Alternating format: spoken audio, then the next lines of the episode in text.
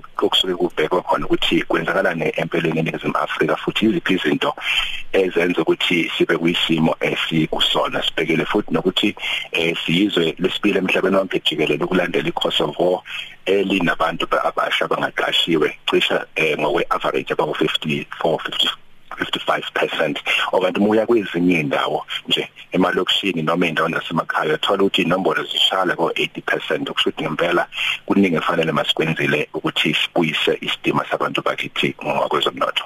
Nonkosi eh umongameli wezwe eh umnumzana Cyril Ramaphosa uthi asiqhamuke namacebo.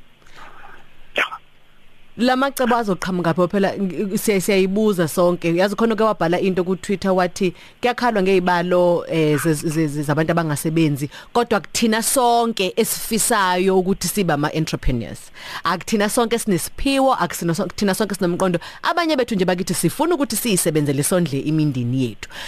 Amacebo lawo yeba sishitha wekho kodwa azokulindele ukuthi aqhamuke kuphi lamacebo nonkosi? Kunjani nengcebo? Ngicabanga ukuthi uma kowafunda mhlambe ngokwindaba emaphepheni ngezinsukwana nje ezidlule uzothola ukuthi kuningi okukhona ukuxoxa okuhambisana nokuthi kuzokwenza njani eNingizimu Afrika njengoba isimo sinje. Eh khumbula ukuthi kuza lokhu leli khwelo elihlatshwa umongameli ngicabanga ukuthi lize emveni kuba esebe nama job summit ama investment summit zonke into ezifana nalezo. Kodwa kuyabonakala ukuthi eh empeleni uma sifuna ukuthi kube khona imehluko asi asimele sonke ukuthi sibambe iqhaza eh kulokhu singabheki ekuthenini umuntu oyedwa othile njengomongameli kumbe mhlawumbe uhulumeni ofanele zenamacebo ukhulume kahle kumongameli ngalesi simo ngoba ukhuluma emva kwezinto vele sibona ekhona ukunyuka kwezinga lobubha nokungalawuleki ubonile ama foreigners bengena khuluma kakhulu nangabe emsakazweni ehlukahlukene nobumqoka bokuthi iningizimu Afrika ikusiphi isigaba even mawubheka izinto ezihambisana nayo lokho kubizwa kuthiwa phecelezi capital flight ukuphuma kweinkampani efana no Naspers lapha eNingizimu Afrika ziyo lista le Euronext Amsterdam. Zonke lezi zinto ziba isimo esithi umuntu osuke ehola njengomongameli empeleni aphelile gambaqa kumele wonke umuntu abhukula bhekisisa ukuthi ikuphi esingeza nakho sisonke eh okuzoletha umahluko ekutheni kube khona eh imisebenzi. Eh ngeke ngasho ngaphambilini noncebe zokukhumbula sikulo lengosi ukuthi eh o job summit nama investment summit lana noma kuthiwa yenzeka ko Senti no Houghton nakubo bonke othon balapha eNingizimu Afrika okukhona nje ukuthi kumele ngempela lezi zinto zenzeke lapho eh ushaye khona kakhulu kuma wards kuma local municipalities kuma districts kuze kungabi nje nalento ekuthiwa i-down ukwehliswa kweyisombululo isuka phezulu kodwa isombululo fa isuke phansi lapho inkingi ikhona. kakhulu Nonkosi sikhuluma la ngendaba yezibalo zabantu abangasebenzi. Eh nasi nezibalo nje masibheka ubuphofu nobubha. Kuyabonakala ukuthi hey kunkunzima la eminyango sibonile nezigameko zasegoli ngesonto eledlule. Siyakubona nalokho kuthiwa icapital flight lapho uthola ukuthi izimali ezitshalwayo abantu bayahoxisa manje ukuthi batshale izimali ekuthenini ukukhula amabhizinisi ukuthuthuka umnotho. Kuvele nonkosi kuvele ukuthi ithi hi hi hi ngoba sivele ngabonakala ithemba ukuthi sizobambelele nini ukuthi bekhona into esithembela kuyona. Uzo mhlamba asikubalule okucishe kube ekuhle okwenzakalayo ngalento ekuthiwa i-direct foreign i-foreign direct investment. Eh selokhu kuqaliwe mhlambe cishe unyaka uphelile manje. Iyakhula eningizimu Afrika kusho ukuthi ukhona mhlawumbe abezwayo abangaphandle abatshala imali eningizimu Afrika.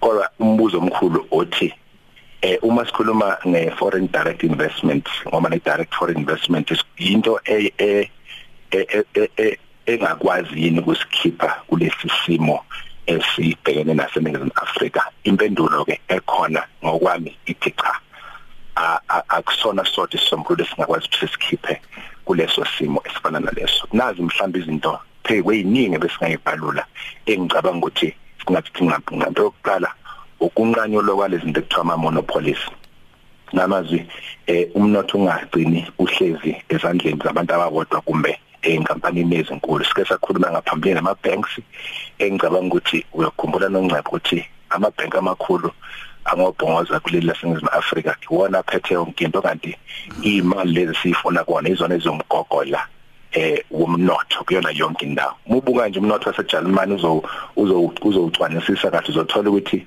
uncike kakhulu eh kuma small businesses. Ingakho le department ethiwa i small business eNingizimu Afrika sayibhekisiswa futhi ilungisiswe ngendlela ukuthi ake kwenzeke umahluko omkhulu kuyo ngoba uma kungazi kwenzeka kanjalo siloku sikhala ngento eyodwa. Singabuka nongcebo ama import substitute ukuthi iziphi izinto esizithenga phesheya singazakhala lapha ngaphakathi? Ziningi izinto ezikhona kule ngosi sihlala sikhuluma ngecathulo sikhuluma zonke izinto ezikhona othola ukuthi yini esingazenza lapha ngaphakathi?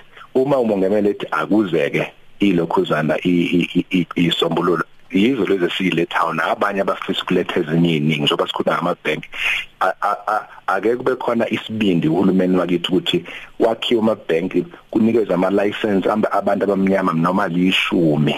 Eh singakhulumi ngama glorified stokvels lokho kuthiwa ama CFIs ama cooperative financial institutions. Ama stokvel la glorified because ugcina kubolekwana ngapha ngaphakathi imali kodwa kuthiwa yibank eh eh bese futhi siqinisekisa ukuthi i-supply chain yabona mangenze isibonelo ngosasol lapha esekunda uma ubheka kunama bolts o amabhawudi la odwayo khona ngicabanga ukuthi cishe baspend imali cishe be 100 million ngenyanga be-order amabhawudi athile azosiza inkampani yasasol wathathaphi eh lawo mabhawudi zonke lezo zinto nongcebo kufanele zibe indlela zokuthi sisize siye phambili njengelizwe Afrika kuleli khwelo ehlatshwa umongameli.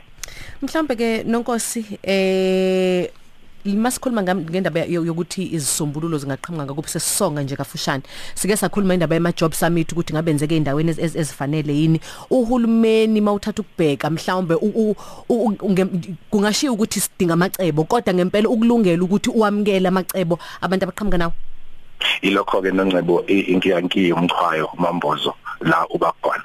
Bayimisele nokumukela isombululo ma umongameli sesho lokho. Mhlambe yena uyimisele kuma provinces bayimisele nokumukela isombululo eh kuma district nama local municipalities bayimisele nokumukela isombululo bayaqonda yini kwakhona lokho ukuthi yini gross value add eh ezisebenzi zikahulumeni uma kukhulunywa ngendawo efana nolundi noma efana nasemthatha? Bese beyakwazi ukuthi ake sibandakanyeke abantu bendawo nencitha buchopho zabantu labakhona eh nongcebo othola ukuthi bafundile bayakwazi ukuletha isombululo kodwa mhlawumbe ngase kwenzeka ukuthi abamukeleki. Uthi umongameli akulethe isombululo ake sibuze ukuthi bayimisele nokumukela isombululo Nonkosi inhlelo enazo siyazi ukuthi niba nama seminars nezinkonference zibakhona? Kunjalo asibonge iZulu Cherries Fabulous iqembu leli labantu cishe about 2000 elilidwa sisimpuma amavundla elihlala njalo lisimeme sochobelana ngolwazi maqondana nokuthi abantu besifazane njengoba sezingena enyangeni yabo ikuphi singabasiza kukho. Eh isikhona nengcebo imininingwane yonke ehambisana nepompa yasemtuba ezokukhuluma ngetextile and leather eh sokusixoxa kabanzi. Futhi abafuna ukuthi bathole imininingwane aba WhatsApp nje kuyinombolo ethi 08222 522 17 0822525217 amandla omnotho.co.za iwebsite. Shwabat Kwasazana Sekhona ke usicela ngambokazi neindaba zehora lesishaka lombili